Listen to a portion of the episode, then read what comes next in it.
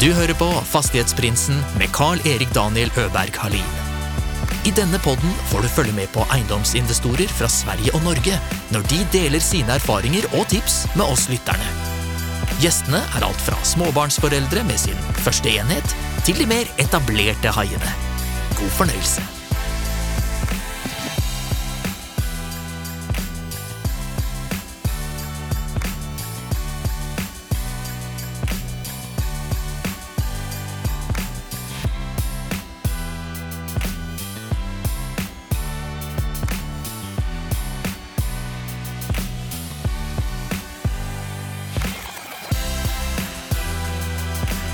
Hjärtligt välkommen säger jag till Alexandra Hagen. Tack så mycket Daniel, fantastiskt att få vara med här idag. Det här eh, avsnittet ser jag jättemycket fram emot och vi har suttit och pratat här en liten stund eh, och jag känner att det är massa, massa spännande saker som vi ska prata om idag. Du är ju CEO för White Arkitekter Precis. som är ett av Nordens största arkitekthus, kan man sä- säger man arkitekthus? Vi är faktiskt ett av världens hundra största arkitektföretag. Oj! Ja, för ni är, flera hundra anställda. Kan ni, kan, ja, du, du kan väl ta över stafettpinnen och berätta lite om eh, vilka eh, White arkitekter det är? Ja, men vi är flera hundra eh, medarbetare och eh, vi är ett medarbetarägt arkitektföretag. Så vi har eh, ungefär 600 aktiva ägare i bolaget.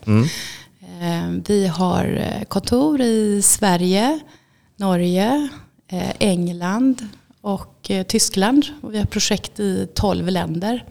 Oj! Eh, Men eh, huvuddelen, av vår, eh, huvuddelen av våra projekt är fortfarande i Sverige då, där vi startade en gång i tiden för lite mer än 70 år sedan. 70 år sedan.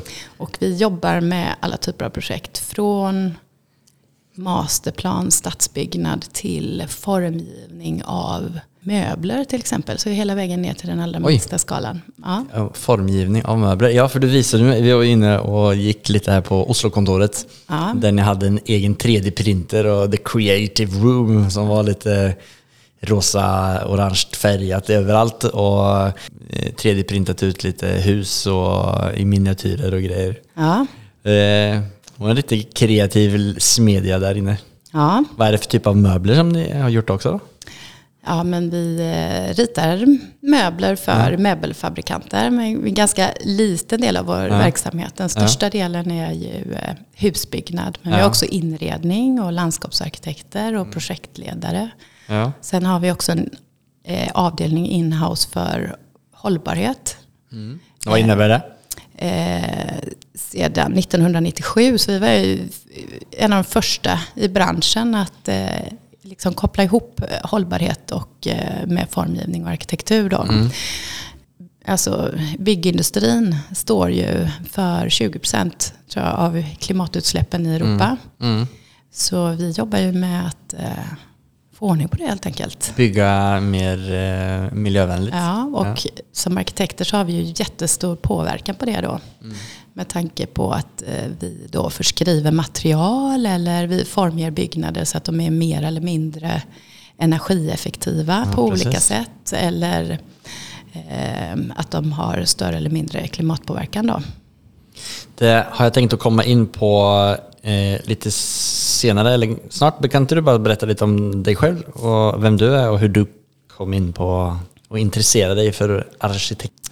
Ja, men jag intresserade mig för arkitektur en gång i tiden för att jag var både väldigt intresserad av konstnärliga ämnen men också av naturvetenskap. Och så tänkte jag att någon dag så kommer jag behöva välja mellan de här två världarna. Men så kom jag till sist på att om jag blir arkitekt så kan jag göra båda delarna. För det är liksom den perfekta fusionen av eh, naturvetenskap och humaniora.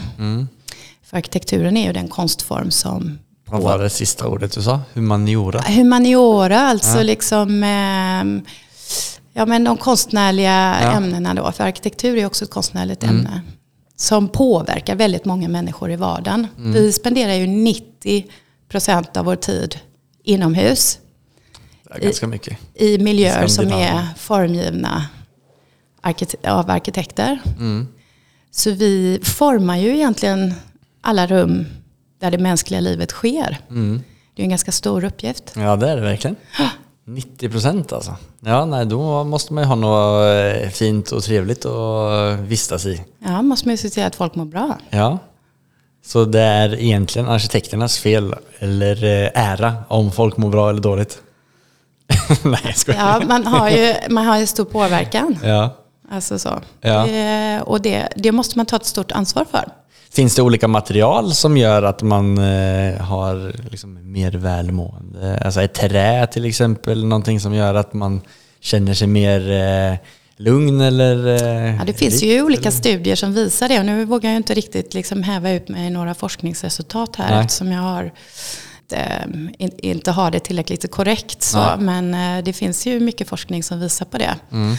Eh, och att man är väldigt påverkad till exempel av hur mycket dagsljus man får och sådana Mm. saker. Det finns eh, till exempel så vet man att patienter läker snabbare om de har utsikt över grönska eller en park eh, utanför sitt fönster. Mm. Man vet också att eh, studenter som vistas i stadsmiljö där det finns eh, mycket grönska, att de tar en promenad genom en park till sin tenta. Att de eh, presterar bättre på sina prov än de som går genom en bullrig stadsmiljö. Så det är ju kanske ingen slump att världens bästa universitet också har fantastiska parker och eh, otroligt vackra offentliga rum. Det är liksom en del av att göra människor framgångsrika. Ja, Det, finns, eh, det låter som att det finns ganska mycket att tänka på här eh, med hur man strukturerar upp fastighetsutveckling och hur det kommer påverka. Arkitekt. Vad är en arkitekt och vad krävs det? Eh, vi startar med det. här. Vad är det som, eh, hur blir man en arkitekt? Vad är det för kunskap eller utbildning man är tvungen att ha för att Liksom, du ska ju bygga ett hus som kanske är flera våningar högt eller en bro eller något liknande. Då bör man ju ha lite byggteknisk kunskap. Emot. Alltså arkitektutbildningen är lite ordnad lite olika i olika delar av världen. Ibland ligger den nära, i i Danmark ligger den ju väldigt nära konstakademin. I Sverige så ligger den på de tekniska högskolorna. Det eh, brukar ju vara en femårig utbildning. Det brukar vara ganska svårt att komma in så det krävs ganska höga betyg. Och, eh, ja, så man läser fem år så läser man olika delar av eh, liksom, hur byggnaderna fungerar. Man läser också i olika skalor. Stadsbyggnad, husbyggnad, kanske del också inredning och olika typer av byggnader. Och det är en eh, ganska lång utbildning då. Men om man jämför till exempel en ingenjör. Är det på liklinje där eller när man ritar ett hus som arkitekt? Liksom hur djupt ner går man i kunskapen om hur... Man måste väl veta vilka material som bär eh, si och så mycket vikt eh, för att bygga ett si och så Ja, man, högt. man lär sig ju räkna lite grundläggande på hållfasthet. Så att man förstår vad det är man inte förstår. Liksom. För Ja. ofta ser ju arkitekten spindeln i näten, i nätet i ett större team där det ingår liksom konstruktörer och eh, folk, som, folk som kan liksom projektera det elektriska eller vatten och avlopp och allt sånt där annat. Akustik och så. Så det är ju väldigt många som ingår. Men arkitekten är ju den som har liksom på något sätt den överordnade rollen att rymma alla de här disciplinerna och se till att alla de här disciplinerna får plats så att det blir en fungerande miljö då på olika sätt. Men det vi gör är ju att vi hjälper fastighetsägare eller fastighetsutvecklare, som du då till exempel, som hittar en bit mark och så vill du göra någonting på den, du vill bygga bostäder till exempel. Och då kan den första delen vara att eh, du har mark, men du har inte lov att bygga på den marken. Nej. Och då är det liksom att i samtal med kommunen då se till att det blir ett planlagt område. Och att eh, få de här ritningarna och planerna för vad skulle kunna, detta kunna vara och för, hjälpa dig att föra den dialogen då med, med kommunen så att du får ut eh, så mycket värde som du vill ha ur, ur din markbit men att kommunen samtidigt då tycker att det här fungerar bra ihop med hur staden ska utvecklas. Så då Ja. hjälper vi till att ta fram handlingar och förslag i den dialogen. Och sen kommer man ju vidare då till regleringsplan och sen så ska det fram ett förslag på byggnad och så är det liksom bygglov då. Som, och sen vidare då hela vägen ner i tekniska detaljer. Att det blir liksom färdigprojekterat så att du får dina handlingar så du kan ge till din byggare eh, som kan bygga huset. Men eh, det förekommer ju också då att vi framförallt i Tyskland och i eh, England och i Norge är det också väldigt vanligt att man också är med hela vägen genom bygget. Mm. Och kollar att det blir liksom eh, byggt på rätt byggt, sätt. ja, blir byggt som planen var. Men det låter ju som att man som arkitekt är tvungen, eller att man har väldigt bred kunskap om du är med liksom där helt ifrån att Mm. man har en bit mark. Ja, Staden har en viss plan på den här marken idag. ja, Och så ska man följa den eller pröva att dispensera på den. ja. Jag upplever eh, att det är är man tvungen att kunna allting om regleringsplanerna för att kunna jobba sig igenom den materian där. Eller hur jobb, är inte- jag upplever att den är ganska komplex. Det är lite så här ad, advokatmat nästan.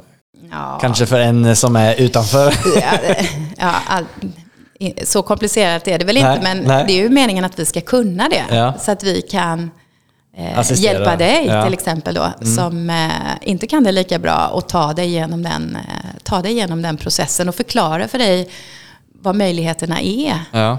på den här, på den här markbiten eller så. Men för det är många, som, eh, eller flera tillfällen som jag har eh, mött folk där de har sagt att ja, men vi såg en möjlighet där som ingen annan såg. Ja. Hur kan någon annan se en möjlighet i en regleringsplan som ingen annan ser? Är det för att man formulerar sig på luddiga sätt? Alltså lite otydliga sätt? ja, men det är väl också att förstå vad staden vill. Ja. Alltså så. Och jag kan ha ett exempel, ett hot- hotell som vi ritade för ganska många år sedan Mm. i Stockholm då, som ligger på Ringvägen i Stockholm. Eh, Alltså och väldigt centralt i väldigt Stockholm. centralt ja. Mm. i Stockholm, på Söder. Och eh, den ligger ovanpå en motorväg. Så det var ju liksom en tomt som egentligen inte existerade. Det fanns ingen mark där. Eh, och men genom att lägga ett hotell just precis där så kan man ju säga att då skyddade man också Ringvägen från ljudet av den här motorvägen då. Så att Ringvägen blev ju på sätt och vis en trevlig, trevligare gata. Och samtidigt så kunde man ju få till liksom ett, ett nytt hotell i väldigt centralt läge med krypavstånd till tunnelbanan. Det var ju jättebra, men den, den tomten den fanns ju egentligen inte. Men det är ju bara att förstå det här. Liksom att, ja, men för att det ska bli en attraktiv stad så behöver vi liksom bygga vidare och få det här till att bli en färdig och hel gata. Ja. Och sen att förstå då att eh, för att det här ska bli ett lönsamt hotell så måste det vara så här och så här många hotellrum. För då går liksom den ekonomiska ekvationen ihop då. Och att man liksom kan para ihop de här delarna. Och så inser man att ja, men vi kanske skulle kunna pröva detta och bygga ett hotell där det inte finns någon mark. Ja, det är ju spännande eh, Och tanke blir, att få. Ja, och då blir ju det plötsligt ett, jätte, ja, det ett fastighetsvärde där det från Ja, början bara verkligen. var en motorväg. Motorvägen finns ju naturligtvis kvar Ja. under hotellet. Men än en gång så är det den som är alltså inom, i fastighetsbranschen, den som är mest kreativ eh, är ju den som kan skapa mest värde. Ja. Och det, många av dina gäster har ju talat om det liksom, på olika sätt. Det där var ju verkligen ett bra exempel på det. Och så kan man säga så att staden har ju, alltså de som planerar staden, de har ju hela tiden ett hundraårsperspektiv. Vad behöver vi göra idag för att den här staden ska bli en fantastisk stad om hundra år? Då måste man ju hela tiden liksom tänka rätt. Att man har många av de grejerna som är väldigt dyra att göra idag är kanske det som är det allra bästa för staden på lång sikt. Och sen å andra sidan så har man ju då fastighetsägaren eller fastighetsutvecklaren som, jag vet inte, i, i din podd här, ni pratar ju ni pratar om finansiering hela tiden. Alltså det, är som, det är en springande punkt. Liksom, hur får jag finansieringen att fungera i startögonblicket? Det är en jätte, jättestor uppgift. Liksom. Och eh, arkitekten måste ju jobba med, att, med de här två, att para ihop de här två perspektiven. Alltså vad är det som gör det ekonomiskt möjligt i själva genomförandeskedet? Och som samtidigt liksom skapar ett stort värde som gör att fastigheterna bibehåller sitt värde Okej, är, det, på lång sikt. är det den dialogen man har med Ja, arkitekten? men det ser jag, alltså, det ser jag liksom som eh, en av våra viktiga, Ja. viktigaste uppgifter. Då. Ja, nej men för det, det är ju en eh, väldig styrka att ha med sig en så pass kompetent spelare. Alltså som ändå ska vara spindeln i nätet i ett eh, fastighetsutvecklingsprojekt. Eh, som också har det ekonomiska perspektivet som man kan sparra med under vägen. En sak som du nämnde också var, var ju det att mm, städer har ju oftast ett hundraårsperspektiv och Ja. det kanske inte alla fastighetsutvecklare har.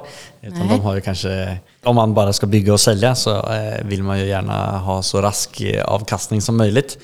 Eh, men den dialogen då, än en gång tillbaka till hur man ska ha en dialog med staden. Mhm. Så det handlar ju om att förstå vad staden vill ha eh, eller vad de önskar. Eh, och om man kan prata med dem på det sättet så Ja. har man ju kanske större möjlighet till att få igenom någonting eh, som man vill. Som är väldigt positivt. Ja, och det är ju så att så, varje projekt det antingen bidrar eller så bidrar det inte till att göra staden bättre. Och det är väldigt många fastighetsutvecklare som vill ha mark i sådana lägen där det finns liksom vackra parker och vackra byggnader och så. Varför där vet man att den färdiga produkten kommer att ge ett väldigt högt värde eftersom omgivningen är så attraktiv då. Och då finns det ju liksom projekt som också parasiterar på sådana då genom att man kör in någonting som liksom inte alls håller den där kvaliteten men som har ett kortsiktigt väldigt högt ekonomiskt eh, värde. Men om man gör så väldigt mycket då, liksom att man inte beaktar det här, då, då kan man ju liksom sänka värdet på ett helt område. Om man har liksom stora mängder hus och man bara bygger, eh, ja, de, fyller ju en funktion då, att människor kan bo där, men i slutändan om man inte tänker på helheten så, så faller ju värdet på hela stadsdelen. Mm. Det här med långperspektiv och ta, även, ta, ta i betraktning många saker som man kanske inte kan ta höjd för idag. Du nämnde något exempel tidigare om Stadshuset i Stockholm till exempel, eller eh, Ja. Tre Kronor när det brann ner. Ja. Kan du berätta lite om det? För jag tyckte det var väldigt intressant. Ja, men vi talade lite om det här med att det här med skönhet, att beauty is in the eye of the beholder. Och man har oli- olika åsikter om det. Och att upplevelsen av skönhet kan ju också vara någonting som utvecklas kollektivt, vad som anses eh, acceptabelt. Och så pratade vi lite om Stockholms stadshus då. Eh, som när det byggdes i, eh, under första världskriget, slutet på första världskriget. När det färdigställdes så finns det ju den här berömda Gyllene salen där man har dansen efter Nobelfesten varje år. Och det var en stor mosaik, liksom hela den här salen är ju täckt av en stor guldmosaik. Och när det invigdes stadshuset då var det ramaskri i pressen och man sa att det här var den fulaste interiör som eh, någonsin hade skapats och att den var en skam för riket. Eh, Till och med det ja. Ja, och idag är detta ju en av våra absolut mest älskade offentliga rum. Och eh, ett av dem, en av de interiörerna som också från Sverige som är absolut mest välkända internationellt eftersom vi sänder Nobelfesten worldwide. Men hur kommer det sig att först så är den eh, nästan eh, eh, hatad om man ska använda det ordet och sen så någonstans så händer det någonting där det blir acceptabelt utseende. Är det att trender händer? Eller det är är trender, det är konstnärlig ut, utveckling eller liksom vad vi, vad vi upplever är vackert och så. Det skiftar ju över tid. Då. Så att det är ju många av de här byggnaderna som är väldigt älskade idag. Om man tänker att eh, de är helt självklara då är älskade idag. Men som var väldigt kontroversiella när de, eh, när de byggdes då. Först byggdes. Det finns många exempel på det.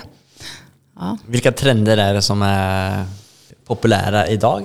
Och Ja, vilka trender kommer att, kanske eh, vara mm, man ser tillbaka till och det här var så vackert. eh, I Ja, men 2020 så var det, byggde man på det här sättet och vad vackert det var.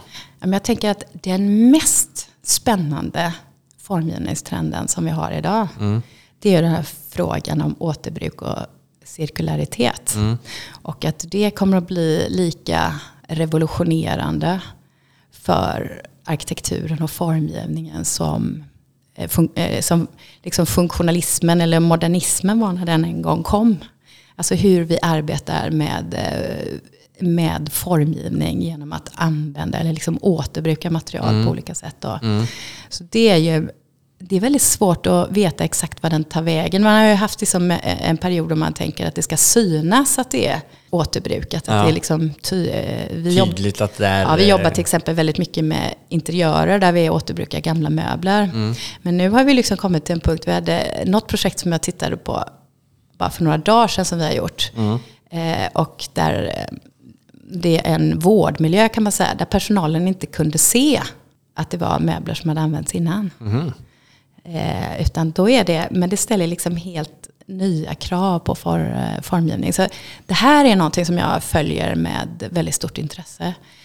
Träbyggnad är ju också en stor trend just nu eftersom Ja, det bi- alltså trä binder ju koldioxid Ja. eh, när de växer.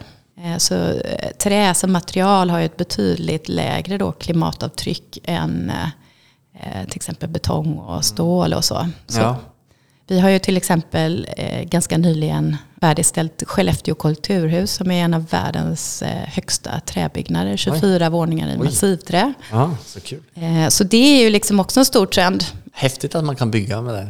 Det har man kanske gjort i alla år eh, Ja. tidigare också. Det, det finns faktiskt i centrala New York väldigt många av de här gamla magasinsbyggnaderna som är så här eh, 8-10 våningar höga eller sådär. De är inte jätte, jättehöga men de är ändå ganska höga då. Man ser ju inte det för de är liksom reverterade eller det är Nej. puts utanpå men eh, det finns ganska många höga trähus, gamla trähus också fast man tänker inte på att de är det. Finns det någonting som är eh, negativt med att bygga i trä? Ja, den stora frågeställningen är ju, eh, det är så väldigt mycket som ska komma ur skogen nu. Ja. Alltså, vi använder trä till allt möjligt. Eller, eh, och det är ju liksom vilken eh, påverkan på den biologiska mångfalden eh, som träbyggandet har då. Vilken, vad, vad, betyder det? Biologisk Biologisk mångfald, det är ju liksom artrikedomen i skogen. Och, och så att vi, för att vi ska kunna tillgodose det här enorma behovet av trä, liksom, så måste vi ju odla trä. Liksom. Ja, Eller hur odlar vi då det här träet? Och då är det ju stora monokulturer, alltså monokulturer där det bara är en art. Liksom man placerar bara, bara gran eller bara, bara... Och det gör ju då liksom att om det blir klimatförändringar eller så, så är skogen ganska känslig om det bara är en sorts träd. Ja, just det. För eh, till exempel... Det är så många saker som man ska tänka på. Förstår. Alltså, det var ju en, jag vet inte, du, du är så ung och fräsch så du kommer inte ihåg det. Men eh, det var en, för eh, 18 år sedan var det en jättestor storm i eh, Skåne. Så Gudrun som ju... Gudrun? Jo, då var jag och spelade hockey i Småland. Ja, men vad Vart jag härligt. fast i- var- i skogen. Ja, du var med på det då. Ja. Det föll ju enorma mängder Ja. Mm. skog på grund eh, av det. Och det berodde ju då på att det var så väldigt mycket granskog. Bara granskog. Och granen har ju då ett ytligt rotsystem. Så att den, den är ju liksom mer känslig för storm. Men om det hade varit inblandat i det där mer andra sorters trä med lövträd och tallar som har ju pålrot då så kanske det inte hade fallit lika mycket. Eh, Så att den biologiska mångfalden är ju väldigt viktig för resiliensen liksom i naturen. Så eh, om man tillbaka till träbyggandet då, så finns det ju en risk i att när vi ska öka volymerna av trä för att bygga i, att vi skadar den biologiska mångfalden. Så det är ju någonting som vi måste jobba med. Och en annan sak är ju också att träbyggnader är väldigt lätta. Så då måste de ju ha, jag vet inte om, du har ju små barn. Du har, och jag vet inte om du har några sådana här dockor med så här, eh, som är tunga i botten och som gungar så här. Ja, nej, men jag Du vet, vad jag menar? Ja. Men det är så, som du har en väldigt lätt byggnad så måste du för, förankra den i en väldigt eh, stark och tung grund. Ja. Så att då behöver du kanske ha mer betong i grunden. Mm. Så då blir ju grundläggningen mer klimatpåverkande än Ja. om du hade haft en annan. Så allting är komplicerat. Liksom. Nu finns det ju också att man gör mer eh, grön betong också. Då. Det jobbas hårt på det. Grön betong. Ja, nej, men allt det här med grönt, det är ju... eh, Hela byggbranschen och utvecklingsbranschen är väl, kommer väl tvingas in Ja, eh, i det. Är man på ett stadie där det är eh, reglerat hårt eller har man inte ens börjat att reglera det där? Eh, Om man tänker på vart det kommer komma de nästa tio åren kanske. Alltså den stora grejen är ju nu den EU-taxonomin. Mm. Som ju ställer, eh, ökar ju kraven på eh, liksom en, mängd, en mängd sektorer då, bland annat bygg och fastighetssektorn. Ja. Kring hållbarhet. Om man inte lever upp till hållbarhetsprestandan då har man väldigt svårt att få finansiering. Så att det Mm. ja, här, men det här har jag hört. Det här, eh, jag Så kommer inte ihåg vem jag pratade med, men det här är ju det jag undrar över. är Hur, hur kommer de gamla fastigheterna påverkas av det här? Alltså sådana fastigheter som är 50 eller 100 år, år gamla. som inte är i närheten av eh, så miljö eller klimatsmarta som man förväntar sig att saker och ting ska Ja, vara. men där jobbar man, kan man ju också jobba väldigt mycket med energieffektivisering Ja, till exempel. okej. Det är ju en sån sak som vi också kan hjälpa till med. Ja, okej. Eh, Alltså gamla hus som, eh, som ju är, och det bästa, det bästa som finns, eller det me- mest hållbara som Ja. finns, det är ju eh, byggnader som är så bra Mm. så att de kan fungera för olika ändamål över tid. Eh, Mm. Ja. eh, åter, återanvändas. Det, det, det minst hållbara det är ju liksom huset som rivs. Så det är ju gamla byggnader som kan återbrukas för nya ändamål, energieffektiviseras, anpassas för en ny tid. Jag blir ju lite kär i arkitekter här nu, men är, det, är alla arkitekter så här eh, insatta i eh, ekonomin och liksom i hela projektutvecklingen? Alltså, jag vill bara ha massa arkitekter runt omkring mig nu känner jag. Ja, men eh, det finns ju de som är väldigt mycket mer insatta än vad jag är. De som Ja. är liksom verkligen rakt ner specialiserade i hur, hur ritar man de allra bästa, bästa, bästa bostäderna eller de allra, allra Mm. bästa, bästa sjukhusen eller Är man tvungen att vara ganska kreativ som arkitekt? absolut. Mm. Absolut måste man ju vara det. Måste man kunna rita? Ja, Ja. Ja, det Så måste man man göra. inte kan ja, en, av, en av våra viktiga grejer det är ju att vi, du går omkring med en idé i ditt huvud Ja. Mm. som maler så här. Det vi gör, för, det är ju att vi förvandlar den idén Ja. till en fysisk verklighet. ja. Och att vi beskriver den fysiska verkligheten på ett Mm. sätt så att de som ska samlas runt projektet förstår vad det är för Ja. någonting. Liksom. Så man måste vara lyhörd också? Enormt lyhörd. Enormt lyhörd också. Så om du ska rita en postsorteringscentral till exempel, då måste du lära dig allt om postsortering. Okej. Eller Men Det är lite roligt. Alltså varje Ja. projekt måste man ju liksom, det är nästan som en skådespelare. Du ska trä in i en ny roll varje projekt. Ja, eller om du ska rita en skola så måste du förstå hur fungerar pedag- pedagogiken på den här skolan. Eller hur, ja. vad är det viktigaste här för att få alla de här eleverna att må bra? Eller så. Så man, egentligen så handlar ju arkitektur väldigt mycket om människor. Eh, och att ge människor miljöer där de trivs och mår bra och så. Och lyckas vi med det så skapar vi också väldigt stora värden för fastighetsägaren.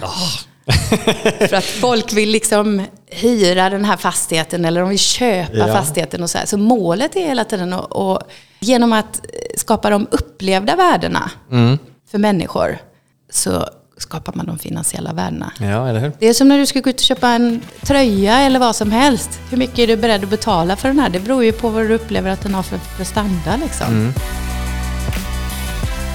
Jag saknar ju helt färgskalor och den här kreativa sidan i eh, material. Alltså, det är inte alls min grej. Så jag har varit lite så här, lite rädd kanske jag ska säga för arkitekter. Att, eller, men du får det till att nu har jag blivit eh, helt frälst i arkitekter helt plötsligt.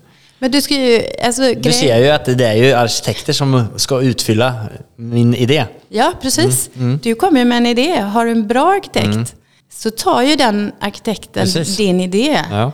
Och gör den 20% bättre. Ja. Du ska ju inte vara rädd för att tala med... Du kan, ju du kan ju en väldigt viktig del av processen om du håller på med finansieringen och Mm. affärsupplägget och allt detta då. Och ihop med en arkitekt då, som kan göra detta till en attraktiv produkt Ja, som någon vill precis. köpa. Ja. Så är det ju liksom... Då är det handen i handsken. Då är det dream team. Men då måste, ni, måste det vara så att ni jobbar extremt tätt med fastighetsutvecklare. Ja, absolut gör vi det. Men eh, hur, funger- hur är liksom den sammansättningen? I och med att det är väldigt avgörande om arkitektens eh, jobb går igenom. Brukar man, jobbar man, blir man partner ibland eller, i projektet eller är det bara liksom att man... Eh, Ibland blir vi det. Mm. Vi bygger ju hus ibland också. ja, så gör ni det? Ja, det gör vi. Jaha. När våra kunder inte vill bygga hus Nej. så bygger vi själva. hur menar du då? ja, det, är, det är ganska...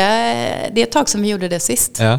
Men, eh, ja, men det var till exempel eh, någon som sa att det är helt omöjligt att bygga eh, hållbara, kostnadseffektiva bostäder ja, till ett rimligt eh, pris liksom, som människor vill bo i.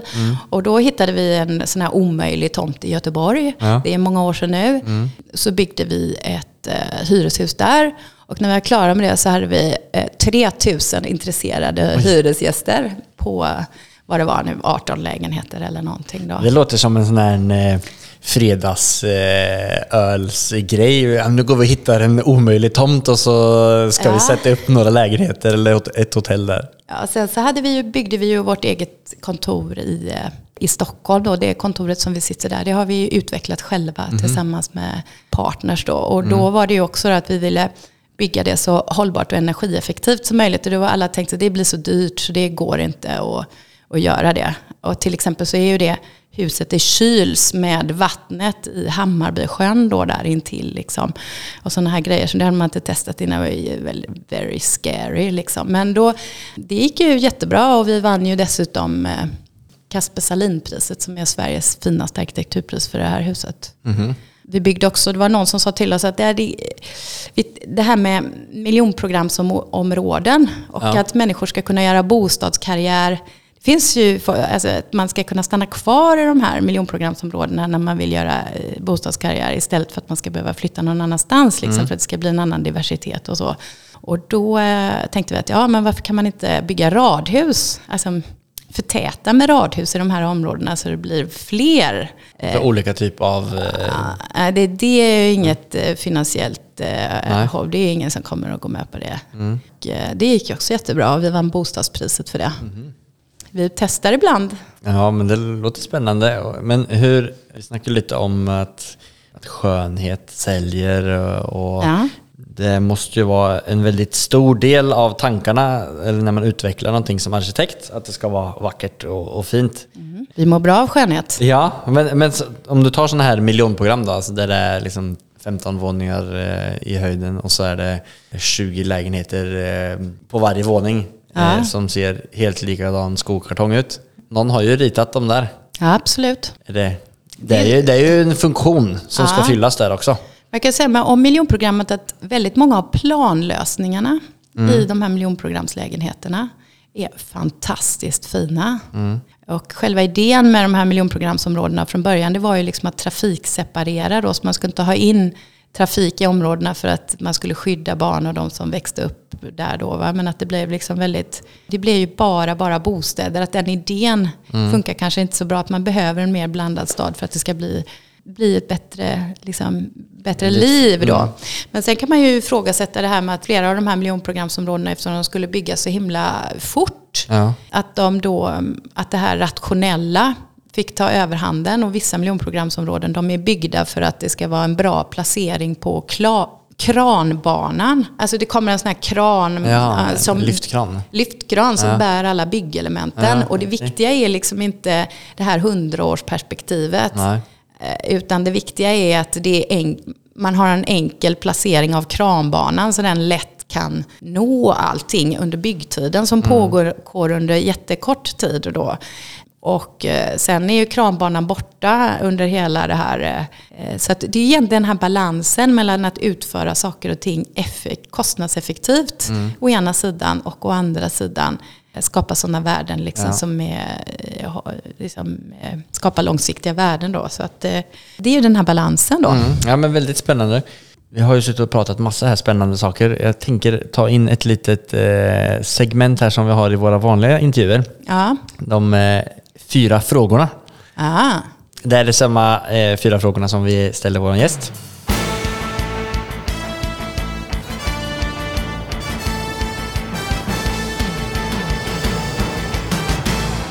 Cuatro preguntas. Den första frågan är, vad är det som skiljer en framgångsrik entreprenör mot de som inte lyckas, slutar eller aldrig kommer igång? Jag tror det är modet. Mm. Att man är modig. Nej, att, man, att man är modig nog att faktiskt göra någonting. Mm. Krävs det extra mod som arkitekt? Ja, men det gör det ju emellanåt. För man måste stå kanske upp för en idé som kanske man måste stå många- upp för en idé och man måste också stå upp för att den idén är genomförbar. Ja. Alltså så. Men eh, om man tänker, jag tror absolut det här modet att våga pröva nya vägar. Liksom, det är jätteviktigt. Och sen att, att gå från det här som du säger, att aldrig komma igång. Det här med att aldrig komma igång, det är ju helt centralt. Att Ja. faktiskt komma igång. Men man är väldigt rädd för att misslyckas så kommer man inte igång. Är det något sånt moment just i, inom, alltså som att vara arkitekt som är lite så här, det här behöver man extra mod i? När man ska testa någon, eller visa fram någon ny typ av eh, arkitektur eller? Eh? Ja, men det, är, det är ju liksom att övertyga. Övertyga när man har nya lösningar som är, som är obeprövade men som man ändå tror på. Då. Att, eh, att ha ett mod att eh, ibland gå emot. För jag, jag tycker att man är en god rådgivare, då ska man ju inte bara säga ja hela tiden, utan då ska man säga att jag hör vad du säger och jag hör att du liksom, eh, tror att det här är den rätta vägen. Men jag tror att du måste utmana ditt sätt att tänka. Att En god rådgivare säger inte bara ja, utan en god rådgivare har ju också integritet. Att våga säga ifrån när man är på fel väg. Så att, och det måste ju arkitekter absolut göra. Men ehm, ja, Ja, nej, men det var väldigt bra svar. men jag, får, jag vet Ja. inte med det här kring skönhetsperspektivet. Ja, ja. Så jag måste bara kommentera Ja, det. ja, ja. Avsluta eh, där att eh, du hade ju för några avsnitt sen så hade du Ja. ju eh, på besök Arkitekturupproret som, Ja. och ni talade väldigt mycket om skönhet. Mm. Där skulle jag också bara vilja tillägga att eh, det här med stil är ingen garant för kvalitet. Nej. Att man efterhärmar ett visst uttryck. Mm. Det gör inte nödvändigtvis att den miljön har en hög kvalitet. Nej. Och när vi nu då pratade om miljonprogrammet tidigare så skulle jag också vilja tillägga att man ofta i sin retorik jämför byggnader som är byggda som väldigt påkostade byggnader för en väldigt privilegierad elit med sådana som är tillkomna för att vara affordable. Liksom. Och att då, man jämför väldigt mycket äpplen och päron. Och att varje tid har arkitektur av eh, väldigt hög kvalitet. Så de... Så det här med att det är en viss stil, eh, en, eh, att, det, att det är nödvändigtvis en viss eh, stilepok är inte samma sak som att det alltid har... Att det har byggts på samma sätt. Utan de husen som byggdes för hundra år sedan som kanske byggdes på en lägre kvalitet men såg likadana ut. Ja. De finns kanske inte kvar. Nej, det sker en utgallring. Så efter 150 år så är det bara det bästa som står kvar. Mm. Ja, ja, men det var en... Det är också ett kvitto till fastighetsutvecklare. Vad är det för hus som står kvar? Ja, precis. Mm. Det, är, eh, det är någonting att sträva efter tänker jag. Ja, Någonting som man... eh, Det är få saker som eh, liksom kanske står kvar på samma sätt som ett hus. Som ett minne av sig själv. nej, jag var i Rom i somras. Alltså, du var i Rom i somras? Ja, med min dotter. Ja.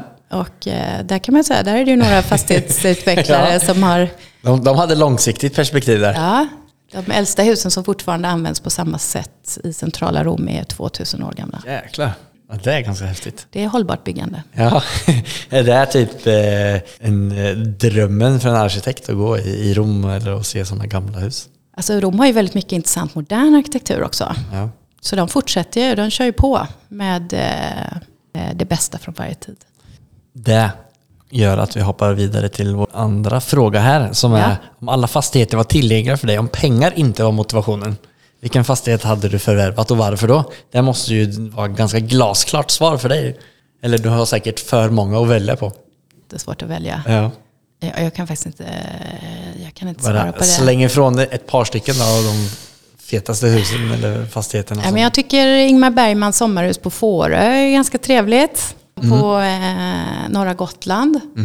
Sen så skulle det ju varit eh, väldigt roligt att ha en, en fastighet centralt inne i centrala Paris eller London eller New York eller så. Det skulle jag tycka var... Är det någon speciell stil som du eh, Ehm. tycker är extra fin av de gamla stilarna eller nya stilarna? Ja, alltså, tänk att hitta en eh, infilltomt liksom, någonstans eh, i någon av våra europeiska huvudstäder och få bygga ett 100% eh, cirkulärt projekt där med cirkulär byggmetod. Ja, det hade jag velat göra då. Det är väl inte för sent för eh, att ni ska göra Nej, det? det kanske blir eh, nästa projekt. Ja, det tycker jag. Det låter, Ja. det låter som ett spännande projekt. Nästa fråga är ju bästa boktips för den som är intresserad i fastighetsinvesteringar. Den kan vi lägga en liten twist på om det är någon som är intresserad i arkitektur. Ja, nej men då har en liten hands-on bok då om man ska liksom köpa befintliga fastigheter och så. Så finns det ju sådana här små böcker som Så byggdes husen. Okej. Som är väldigt eh, eh, bilderbok med eh, byggtekniker från olika tider. Som det är väldigt, eh, om man då investerar i fastigheter och inte kan så mycket om hur fastigheterna är konstruerade så är det en ganska kul, eh, kul bok för att bara förstå hur eh, byggnader från olika Jo, men- tider sitter ihop. Det lät, det lät faktiskt ganska intressant. Ja, så ha lite baskunskap om hur huset sitter ihop tekniskt. Ja. Ja, så att man kan eh, be om hjälp helt enkelt. Vad, vad, vad hette boken?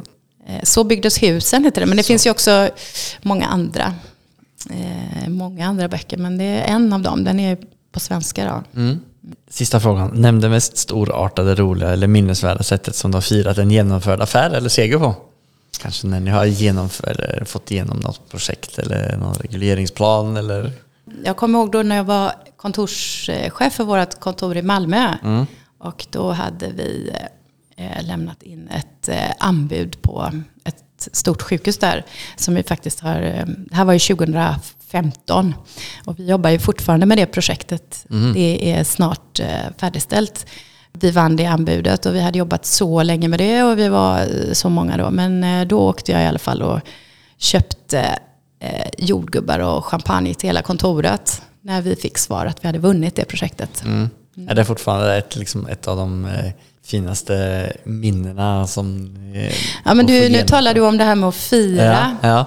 Så att det är väl en av de där gångerna som jag kan minnas att vi verkligen tydligt firar. Och annars brukar vi alltid, när vi vinner tävlingar på kontoret, Mm. så... Eh, Alltså för, för som arkitekt så tävlar man ganska ofta Ja, om då, grejer. då brukar vi ha eh, tårta på kontoret. Ja. Fast jag tycker ju att eh, egentligen så borde vi fira mycket mer. Du vet, Mm. liksom när man, eh, inte bara när man vinner affären, utan eh, man Nej. borde ju fira mycket mer när man färdigställer färdigställer och slutlevererar och så. Det är vi ju jättedåliga Ja, på. Utan då ja. hoppar vi bara Ja, då, är rakt man, då är man långt borta. Då, Ja. man, då är det vidare hos någon annan. Ja, så det borde vi bli bättre på. Ja. Det är viktigt att fira, för det är ju någon slags markering av att, man, har, precis. att man har uppnått något. Det får bli mer tårta på eh, slut, eller på öppningsdagen. Ja, eller, ja, eller andra saker. Eller andra saker. Ja. ja, ja, men så bra. Ni firar ju ändå en del, det är ju bra. Mm. Eh, är det några speciella samarbeten eller personer eller eh, saker som eh, White eh, eller du eller ni vill komma i kontakt med framöver? Ja, men vi vill ju gärna komma i kontakt med byggherrar och entreprenörer som är intresserade av att jobba med cirkulärt byggande. Alltså utveckla, utveckla det. Det tycker vi är väldigt kul. Och vi har liksom en liten hemlig dröm att vi också skulle kunna få göra ett sånt här cirkulärt projekt där vi kanske eventuellt skulle kunna gå in som partner. Och, eh, Så om det- du är en fastighetsägare som eh, vill göra ett eh, grönt byggprojekt Ja. eh, med eller utan White som partner, Ja, bara hör av er. Och de älskar att göra projekter som är omöjliga från början. och möjliga också. Ja, men Ja. gör det omöjliga möjligt. Ja, göra det omöjliga möjligt. Ja. Diggar de där eh, hotellet och det där Ringvägens eh. Eh, Inspirerande. Ja, om, om du hade kastat vidare mikrofonen till en branschkollega, Ja. det kan vara arkitekt eller en annan person inom fastighetsbranschen. Hade du, är det någon speciell som du tänker hade varit kul att höra? Ja, men jag, jag gillar ju ditt tema som du har här. Med att du, du liksom, intervjuar många fastighetsentreprenörer som startar från scratch. Eh, istället för att gå på alla de liksom, som har varit i branschen för evigt. Och så. Jag tycker det är väldigt roligt att höra om de här processerna som är tidiga. Hur kommer man igång? Hur kommer man från noll till att rulla? Eh, och eh, då så har jag en eh, väninna faktiskt som jag inte har... Eh, jag, jag tycker också att du behöver fler kvinnor Det i behöver podden. jag, helt klart. Ja, och hon håller på med studentbostäder i Ja. Lund. Okej, spännande. Eh, och hon heter eh, Sofia Benett. Sofia Benett. Mm. Men tack så mycket för det. Och det måste jag bara lägga till. Det är inte eh, meningen att det har varit för få damer i podden utan det har varit svårt att lokalisera dem faktiskt. Så jättefint för det här tipset. Och är det fler som lyssnar eller om ni, är det någon som lyssnar som har fler tips så får ni mer än gärna höra av er och skicka in tips. Men tack så mycket. Då ska jag ta kontakt med Sofia så får du slänga in en, eh, ett gott ord för mig också. Ska jag verkligen göra. Ja. ja. Men jättespännande. Tack så jättemycket. Tack. Jag har faktiskt eh, blivit lite förälskad som jag sa i arkitekter. Så Bra. Nu kommer jag ha, skaffa med massa arkitektvänner. Ja, och de kommer att hjälpa dig. Ja. Och bli framgångsrik. Ja, det kommer ja. Och det startar idag. Efter vi stänger av här ska jag få äta lunch hos White. Det ska bli väldigt spännande. Tack så jättemycket för samtalet. Tack själv.